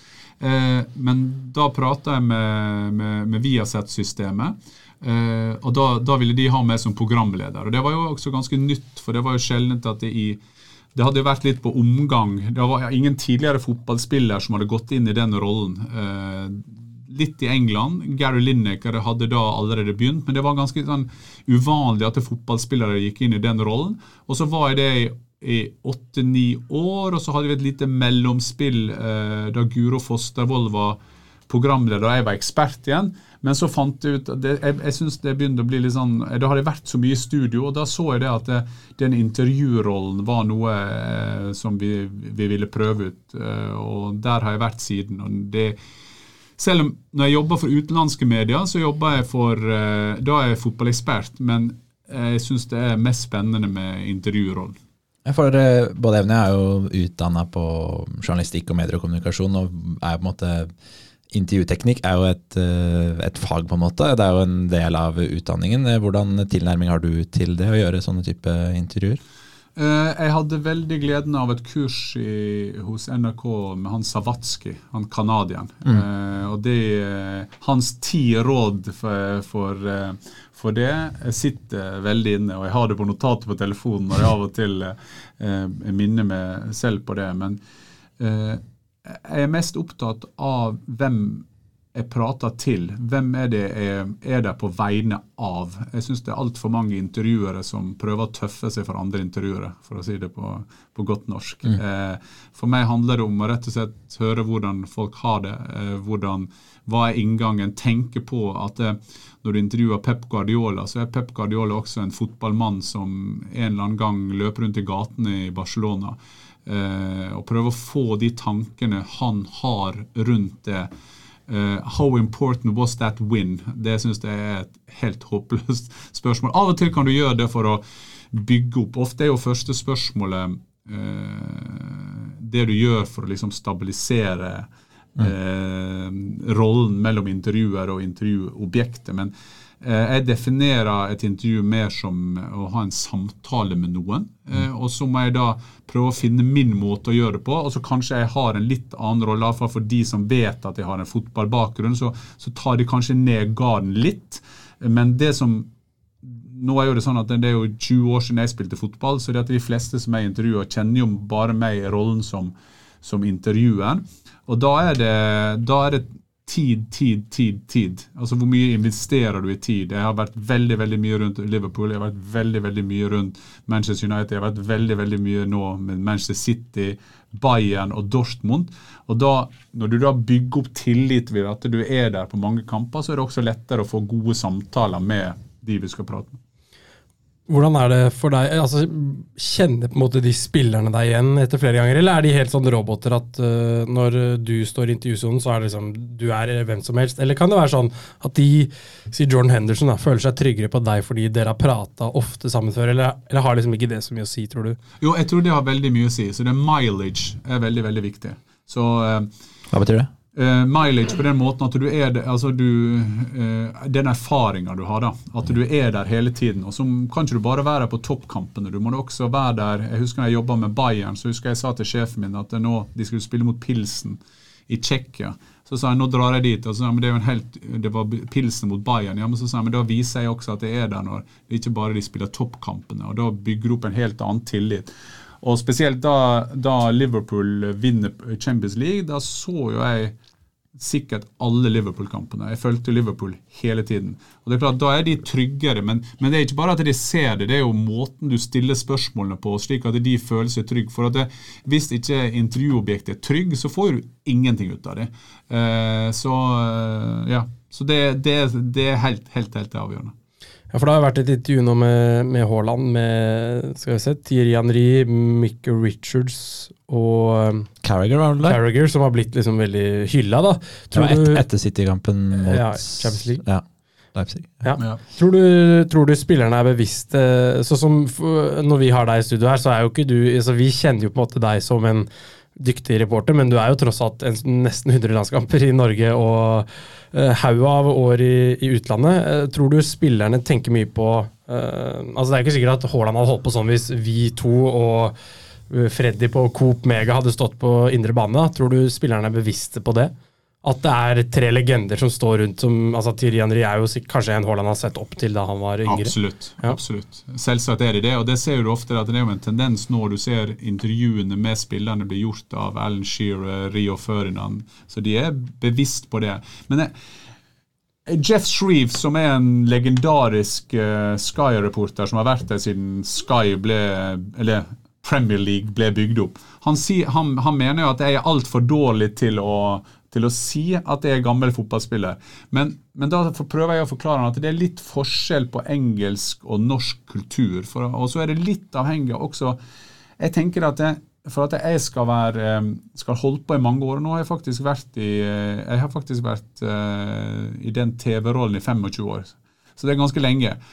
Og da er det nettopp den at det, at det, å, være, å, være, tidligere fotballspiller, det liker ikke jeg. Selv den meget gode serien som går på NRK, nei, på, unnskyld, på TV 2 nå med Våre beste menn. Utrolig bra serie. Ja, en veldig bra serie, og jeg har sett den. og jeg har sett den, eh, Men likevel så, så så, så er det en tid som var. Jeg har et sånn distant forhold til det. Markus, min sønn, sier alltid når vi er på gamle tomter og prater med gamle klubber, så sier han hvorfor gjør du det oftere for at du får positiv respons, og du må kanskje ut på banen og hilse og blå på seg. Jo, men det er en tid som var. Så jeg er liksom bevisst på at det, at den rollen jeg skal bygge opp Jeg skal bygge opp, eller jeg har bygd opp den rollen som intervjuen.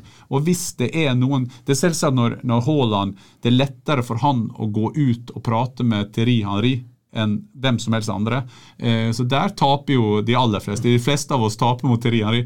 Eh, men, eh, så det spiller en rolle. Og så er det også en spille, det spiller en rolle på, på, på hvilken måte de åpner seg. Altså hvor frie de er når de, når de er i, eh, i den uh, rollen hos den enkelte. Si, det som Du nevnte Haaland her, da, det lagde også den eh, dokumentaren til Viaplay hvor dere var tett på i forbindelse med at han skulle bytte klubb fra Dortmund til det som ble City etter hvert. og det var jo den, sånn som jeg skjønte, så ble jo den spilt inn da over, over litt tid. altså Du fikk måtte vite mye som eh, Og så tok det lang tid før den kom ut, for den kom ut etter at han hadde tatt det valget. Hvordan er det da for deg som journalist og reporter å da ha så mye info, men så kan du kanskje ikke si alt hele tida holde igjen på info og vite hva du skal tvitre om og ikke. Hvordan er det for deg? Ja, det, det, er jo en del som jeg sier å analysere spillet. fordi at det, av og til når du har veldig veldig gode kontakter, så får du veldig mye info. Eh, derfor liker ikke jeg ordet networking. Det handler om å bygge tillit. Det handler om å være troverdig. fordi at det, Hvis noen sier til deg at de ikke kan ta det ut, så tar ikke du det ut. Altså det er for meg, og det er derfor jeg, eh, jeg har, kjenner folk i alle deler av samfunnet og i forskjellige veldig store sprang i de menneskene jeg kjenner. Men det er fordi at de har tillit til at de ikke gjør det. Det som var spesielt med dokumentaren til, til Erling, det var at vi spilte den inn i presens, men så skulle vi klippe den i preteritum. Eh, ikke sant? Så det var, det var, en utfordring på det, men eh, samtidig så eh, er vel eh, Så klarte vi det, for at eh, vi har akkurat samme ja, type forhold som vi har hatt før. Eh, er det mye ha, altså, hatkommentarer og tilbakemeldinger? Du er jo aktiv på på Twitter. Endre hadde skrevet ned 134 000 tweets og har jo nesten en halv million følgere. Eh, hva medfører det i en arbeidshverdag hvor du er mye synlig? Ja, det, jo, det gjør det, det Ingen kona mi tror ikke det, men jeg mener jo det at det Jeg har jo blitt eh, Sånn for eksempel As we speak, så har vi nettopp fått vite at, eh, at Erling Haaland da ikke spiller landskampene mot Georgia og Spania. Og Da er det selvsagt eh, eh, spørsmål fra, fra, media om det.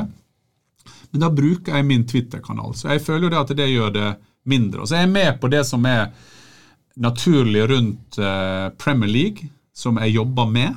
Der er det naturlige. De andre tingene gjør når det er en ja, det kan være en sak eh, som, som er tilknyttet Lillestrøm eh, sportsklubb eller et eller annet sånt, eller norsk fotball generelt. men men jeg mener, ja, eh, Twitter Grunnen til at jeg mange, eh, gjør mange tweet, eh, det er jo det at jeg bestemte meg for det at når jeg gikk på Twitter i 2011, så bestemte meg for at jeg skulle prøve å behandle alle ganske likt. Så hvis det betyr at noen kom med en spørsmål om noe til meg, så skulle jeg i så stor grad som mulig svare på de. Eh, så jeg skulle ikke svare, for det er jo, Twitter er jo sånn litt sånn typisk at kjendis prater med kjendis. Eh, og eh, at jeg har bestemt meg for at jeg skulle svare på de. Og så har jo Twitter etter hvert, selv om Musk gjør mye rart, eh, men så har jo Twitter etter hvert fått en del funksjoner som heter blokkering skjul person, skjul samtale, forlat samtale, og jeg er ganske god på de. Så, eh, men det er klart, du, du blir jo tykkhuda med å være på, på Twitter. Eh, men, og så er det også noen sånne greier at for eksempel, hvis, hvis du har gjort noe bra, da, så er jo det helt stille på Twitter. Mm. Og da vet du at du har gjort det bra. Så, så, så, det er sånne ting så, ja, så det er mer en kanal for meg. Så det, Folk må sitere meg på Twitter, det må de bare gjøre, og det gjør mange norske medier. og det, det er greit, det.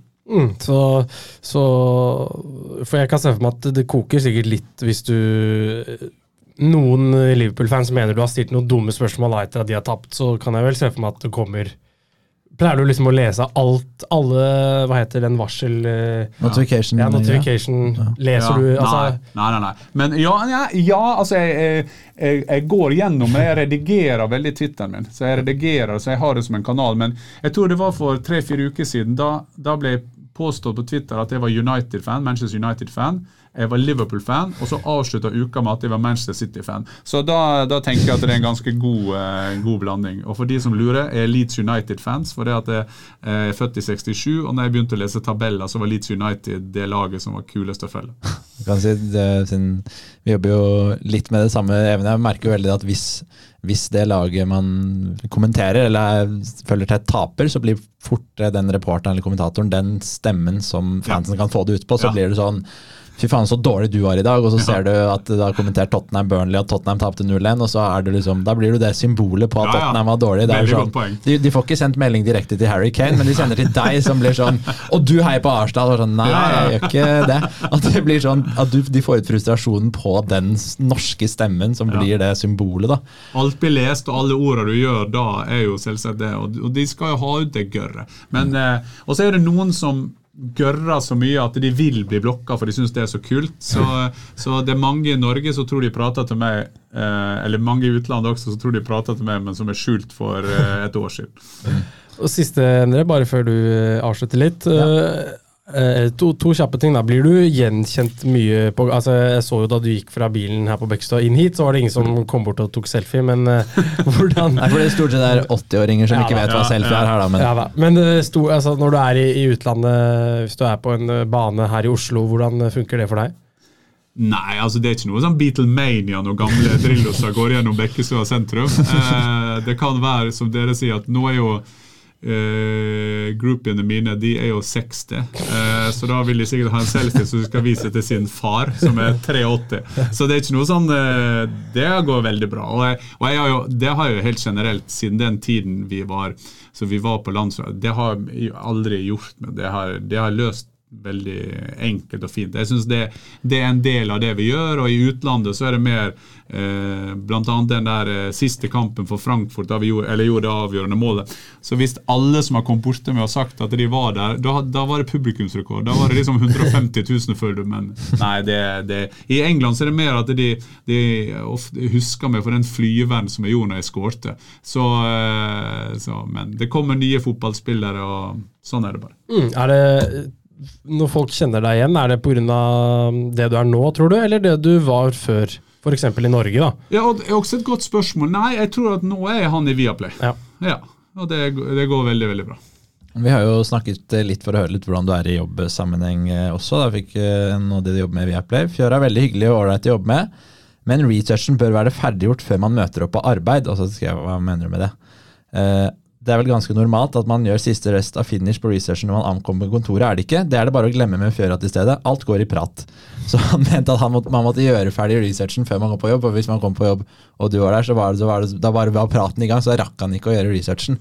Nei, og så, og er, det, så er det veldig viktig å og Hvis man begynner med researchen tre timer før vi begynner sending, så må jo vedkommende da kanskje begynne med en ny måte å jobbe på også. Men, men vi har det veldig Det er mye prat når vi møtes, ja. ja. Men, men, det er jo en av ting eh, som er ganske interessant. For det, det var også når jeg spilte fotball, og vi har det også i denne podkasten her. Eh, så sier man etterpå ja, eh, og Fjøra prata og prata og prata, og prater. og så sier ja, men dere har jo nok av folk dere intervjuer som ikke prater, så ikke dere får noen story ut av. Så, eh, så det jeg alltid husker at det er de journalistene som skrev det på slutt igjen, tenkte jeg mm, kanskje de skal være glad at det er noen som prater, for akkurat spørsmåla syns de ikke var så veldig gode. det er videre da, Sosial omgjengelig type som har historier om, om, fra absolutt alt og alle. Veldig opptatt av at bestemoren hans aldri hadde kommet i posisjon til å komme i de sjansene alle andre bestemødre hadde skåret på. Kan gå forbi enhver ID-sjekk på stadioner i Europa og England og si Fjørtoft. Litt som den gamle VG-reklame med passkontroll og norsk. Jeg tar ikke den referansen helt, men uh, tydeligvis da um, Men det er en stor, ja. men det er stor, det er en sånn misforståelse, for jeg vet at det er en del av de, de, unge som jeg jobber med For nå har jeg plutselig begynt Jeg har blitt eldst. Ja. Uh, og mange av de jeg jobber med, de tror at det, Og det er en god image å ha, med å tro at ja, jeg kommer inn overalt. Men for, for det første er jo det feil, fordi at det er bare at jeg er så tidlig på stadion at jeg nesten ikke er satt opp i akkrediteringssystemet. Men det er jo én ting. Men, men, det er jo også fordi at jeg, når, Jeg har jo hatt med meg en del av de unge ute. og Det, det de da blir sikkert mest fascinert over, det er jo at jeg kjenner uh, veldig mange mennesker. Og, men jeg kjenner jo også de som er vakter. Så når, når de vaktene de vet at jeg har akkreditering, så da tar jeg det bare sånn kjøttet opp, mens de kanskje da så eh, sånn Vakten i Dortmund som skulle tas inn på banen Når jeg var der på hver hjemmekamp i tre år, så slutta han å Da sa han bare gå inn. Men jeg skulle gjerne Av og til når vi er på juleparty eller når vi er på sommerfest sammen med mine yngre ansatte, så skulle jeg ønske at jeg var den de trodde jeg var. Fordi, for jeg tror det at jeg, når, når, de kommer ut på banen, da, så føler de at jeg, ja, men det så jo så lett ut. Men det er jo fordi at han har vært der mange, mange, mange, mange, mange, mange, mange ganger. Så, eh, så jeg skulle ønske at imaget min stemte.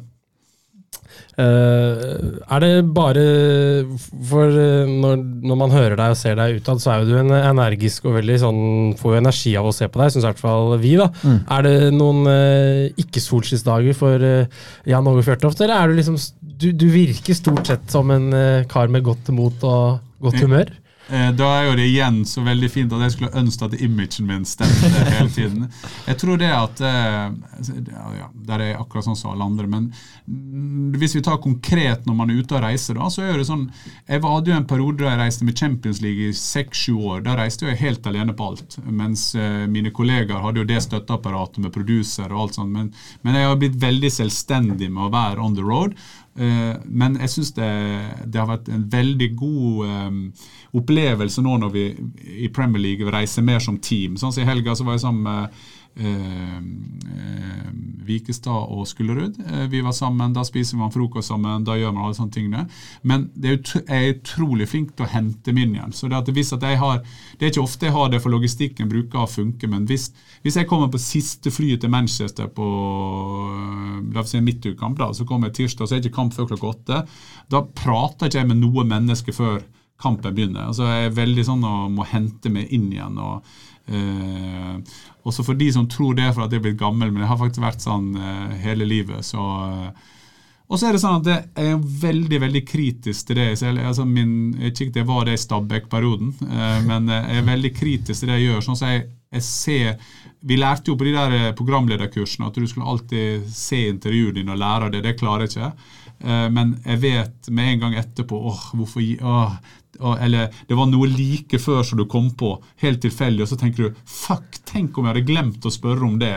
Altså sånne ting. Så når, under en kamp da, så er jo min fordel i og med at jeg er på en stadion bare som intervjuer. I motsetning til dere som er kommentatorer og må gå ned og gjøre et intervju, så er det ikke så lett å forberede seg. Men jeg kan jo faktisk sitte hele kampen og tenke innfallsvinkler, sjekke ut ting. Du ser en som scorer, er det noe spesielt? Å ja, han skårte der, ja. Så, så det er jo som min fordel, så men eh, litt for eh, Jeg er veldig selvkritisk til det jeg driver med. Jeg skulle ønske at jeg var eh, At jeg kunne ja, glede meg mer over Jeg, jeg fikk jo han eh, Klopp til å synge da de vant Champions League-finalen. og da mm. Og da husker jeg folk sier ja, 'Hva gjorde du etterpå?' Du feira vel, da? Og så sto jeg etterpå så sto jeg ut på autobahn i Spania og prøvde å komme hjem til hotellet. Og så, så var det veldig hyggelig at folk sier det var bra, men Eh, nei, jeg er litt miserable der. Men uh, siden du sa komme i godt humør, vi snakket om det, Evne, at uh, hvis vi har hatt en, kanskje hatt en litt uh, kjip dag, så har den ofte blitt løfta av å se på Våre beste menn-serien, for den syns vi er veldig bra. Jeg var så vidt inne på det i stad, men så lurte vi på sånn, sånn faglig på en måte. Hvordan, hvordan, var det den ble spilt inn? Var alltid i løpet av én dag, eller var det over en lengre periode, eller hvordan funka liksom hele den prosessen der? Det vet jeg ikke. Med de intervjuene med deg, tenkte jeg. Da. Nei, det, det, var på én dag. Ja, okay. så, så, da satt vi um, vi satt vel av et par-tre timer oppe på, på Ullevål. Mm. Og det var egentlig det som jeg likte best med serien. Det var, det var, jeg liker den type dokumentarer der nå har vi andre hatter. altså Vi, vi ser det på en annen måte. Vi, ja, eh, vi, vi, klarer å sette det i et annet perspektiv. og Det, det synes jeg var et veldig godt grep de gjorde, de som som lager seriene, for nå ler du av ting som skjedde den gangen. Samtidig så hadde jeg en sånn følelse av at når jeg var inne der, tenkte jeg å, jeg husker hvor nervøs jeg var, jeg husker hvor mye det krevde, og jeg husker hvor forbanna jeg var. Og så glemmer du selvsagt hvor ofte du var glad. Men, eh, men jeg syns det var et veldig godt grep. Ser jeg at nå når vi har blitt litt gråere i håret og litt tynnere i håret en del, så, så klarer vi også å se det på en, på en annen måte i en periode som var um, som var helt utrolig for ikke bare for norsk fotball, men for alle folk rundt om i landet. For vi var jo egentlig noen bygdiser som eh, kom fra dalstrøka utafor, der Kjetil Rekdal var sperra inn i et fjøs da han var tolv år, og klarte liksom å bli fotballspillere på det nivået. For den kom jo, eh, Det som var litt rart, det var den Alt for Norge, den filmen som kom som gikk på kino, som på en måte ligner litt, men den her er mye mer sånn Virker mye mer sånn gjennomarbeida. Litt sånn Last Dance, den Netflix-dokumentaren med Chicago Bulls-vibber, hvor liksom du får høre fra de største, og det er veldig mye kule råklipp. og jeg vet ikke, jeg syns den er veldig sånn feel good. Uh, ja, veldig feel good. Og så var det vel et poeng da at når de laga filmen, så skjønte det jo samme folkene som er i systemet, mm. som fant ut at de hadde så mye stoff at de klarte ikke å komprimere det ned i én film. Jeg er jo en av de få i Norge som ikke har sett filmen, så jeg må kanskje uh, se den på et eller annet tidspunkt. Men, men jeg også syns at den serien ble laga på, uh, på, en god måte. Og, men jeg, jeg, er jo en familie som, bortsett fra Markus, vi er jo fem, så er vi to som er veldig fotballinteresserte. De, de, to andre er, Senest på middagen i går måtte jeg så hun yngste, hun er 20 år, så sier jeg ja, det var ganske fint om du så da, for kan, du kan se hva far din gjorde før du var født. Ja, kanskje skal jeg se den på flyet. Var det ikke det ene klippet hvor, eh, hvor du blir liggende, som vi lo veldig av? Ja, man må, po man mot Polen. Ja, ja, ja. ja, det er Polen, og, og, jeg, og, jeg, sier vel 2023 ja, noe, jeg sier vel at Kjetil Rekdal og jeg skulle late som vi var Møre og Romsdal Røde Kors. Eh, for da, da, hadde jo en eh, polakk først blitt utvist. Eh, nei, unnskyld. Vi, Erik Thorstvedt ble utvist. Og da var jo det i mitt hode Da måtte jeg få en eh, polsk spiller utvist. Eh, og og han hadde nok blitt utvist likevel. Eh, og Det er jo det også jeg sier der, men da kommer Kjetil Rekdal og sier han bare ligg nå, og, og så skal jeg ta pust. det er, jo, det er jo så pinlig å se, men det ble også eh, jeg syns de fint fikk fram hvor dumt vi syns det var nå. Kvalifisere oss til VM. Ja, for den er jo veldig bra klippa med at de setter opp uh, at du sier noe, og så setter de opp hva Kjetil Rekdal ja, ja, sier. Og så, ja, ja. Det, er en kul ting. Men uh, for å runde av landslaget, vi fikk et spørsmål fra frøken Z, tror jeg en hyggelig, hyggelig jente, som spurte tror du Norge kvalifiserer seg til EM 2024. Landslag handler om tro, håp og kjærlighet. Eh, og Jeg har vært, fått gleden av å vært, jeg har vært fan av landslaget. Det var det største når jeg, jeg vokste opp. Dette er jo før dere var født.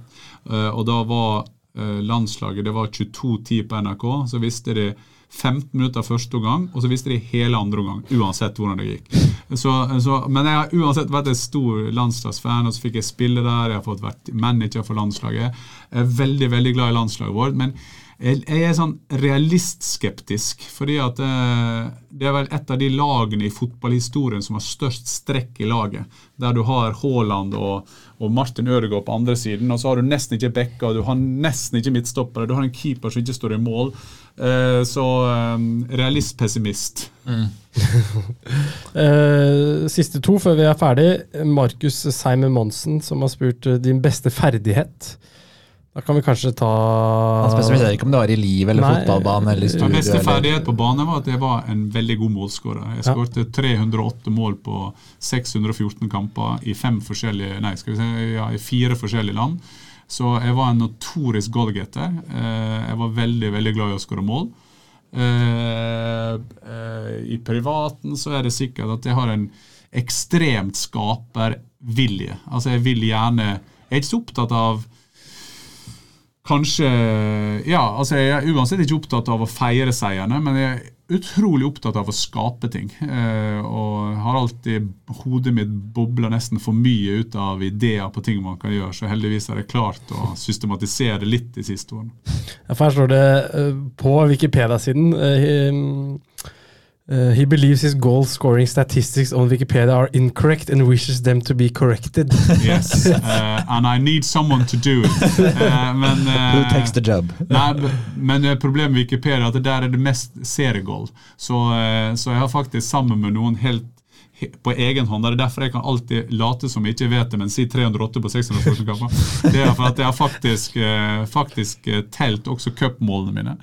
Eh, der jeg fant annet ut jeg, hadde, jeg visste ikke, jeg hadde skåret seks mål i en kamp i cupen mot Lørenskog. og Den kampen fant jeg ikke, men så var det plutselig noen som la det ut på Twitter, så det måtte jeg ta en uh, bildeskjerm på. Jeg, og så er jeg også én ting, litt sånn som fotball gol, eller goalgetter er det. Jeg husker nesten alle målene mine. Så, uh, så jeg, eh, så, mens Rune Bratseth som, uh, han husker jo ikke hvor han var i går.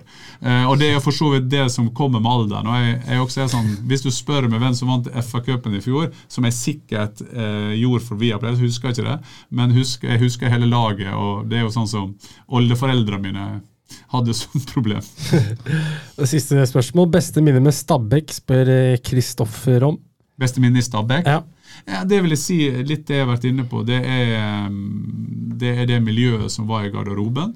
Og så var det gøy. Jeg ser nå at det av og til så blir trukket fram de eldste som har skåret hat trick i toppserien i Norge. Så ser jeg jeg er på den lista sammen med noen. Jeg er ikke helt i toppen, men da var jeg begynt å nærme med 35, så det var, det var en gøy kamp.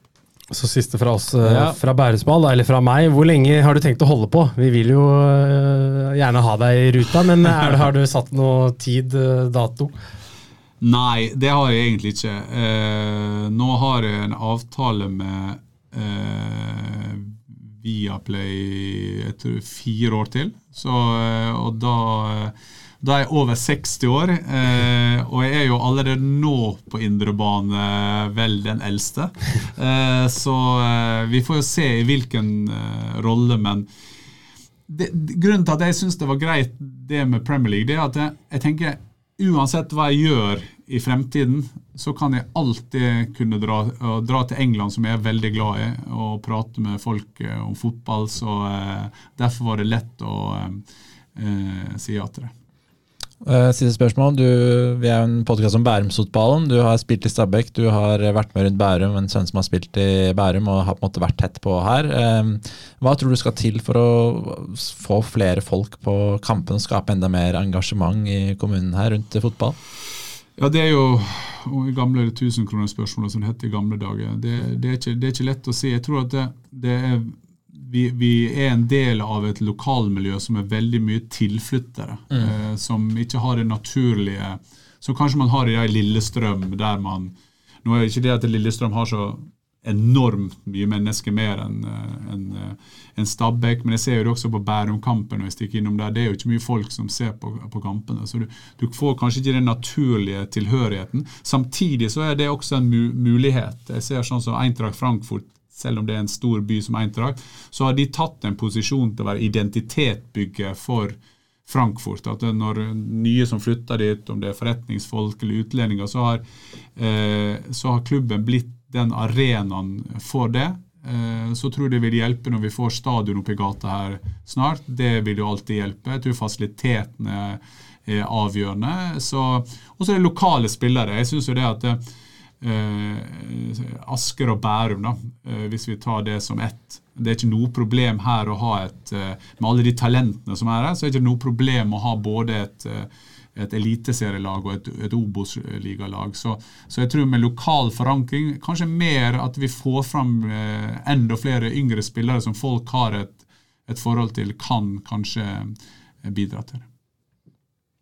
Den er notert. Da... Så det aller siste, da, som vi stiller til alle. bare for Vi må ja, stille til alle. Ja, vi har gått gjennom veldig mye mer, men Ville du spurt uh, Jan Åge Fjørtoft nå, hvis du var Endre og Even Lubek som hadde deg som gjest her i dag? Som vi ikke har spurt ja. om i dag. Uh, da ville jeg kanskje Vi har jo vært inne på det, men uh, hvor tar jeg driven min fra? Uh. Men jeg svarte egentlig på det i siste når jeg sa at det var å skape ting. Ja. så og det liker jeg, og det er jo derfor jeg liker sånne initiativ som det dere gjør her. Jeg er veldig sans for folk som skaper noe. Jeg har veldig sansen for folk som begynner på noe nytt. Jeg er veldig sansen for noe folk Jeg, jeg har faktisk jeg, jeg har kjøpt barndomshjemmet mitt på Sunnmøre. Uh, og Da tar det selvsagt tre minutter for meg å begynne å lage fotballskole, konferanse, julekonsert. Nå har jeg friidrettsstevne på, på blokka. Så jeg elsker når folk skaper skape ting. Eh, og, Uh, og for å name-droppe litt, for grunn av at jeg pratet med Rune Bratseth i bilen på vei hit opp, og så spurte han hvor jeg skulle, så sa jeg at nå skal jeg opp og prate om Bærum-fotballen. Og så sier, så sier, både, så sier så vi og Rune enige om at det, det er så viktig at folk tar initiativ og tar det Og apropos tilskuere. Altså at man skaper identitet. Og dere er jo med på å skape identitet til Bærumsfotballen. Så, eh, så, eh, ja, så jeg syns dere stilte meg akkurat de spørsmålene. det er bra. Det var den eneste tingen i verden tror jeg det ikke har blitt laget podkast om. Bærumsfotballen. Det er en podkast om alt. Til og med en podkast som heter En podkast om podkast, som jeg lærte mye av i opplæringen her. ja. Så vi, vi kjører på. Ja, men eh, Jan Åge, tusen takk for at du kom. Det her har vært veldig moro. Tusen hjertelig takk for at jeg ble invitert. Og så nå kommer jeg til å få grevelig kjeft for de som jeg kommer for sent på, men det var så hyggelig å prate med deg at eh, det skal jeg nok klare. Det er bra. Det er bra. Ja, vi snakkes på den. Ok, ha det. Hei. Hei da.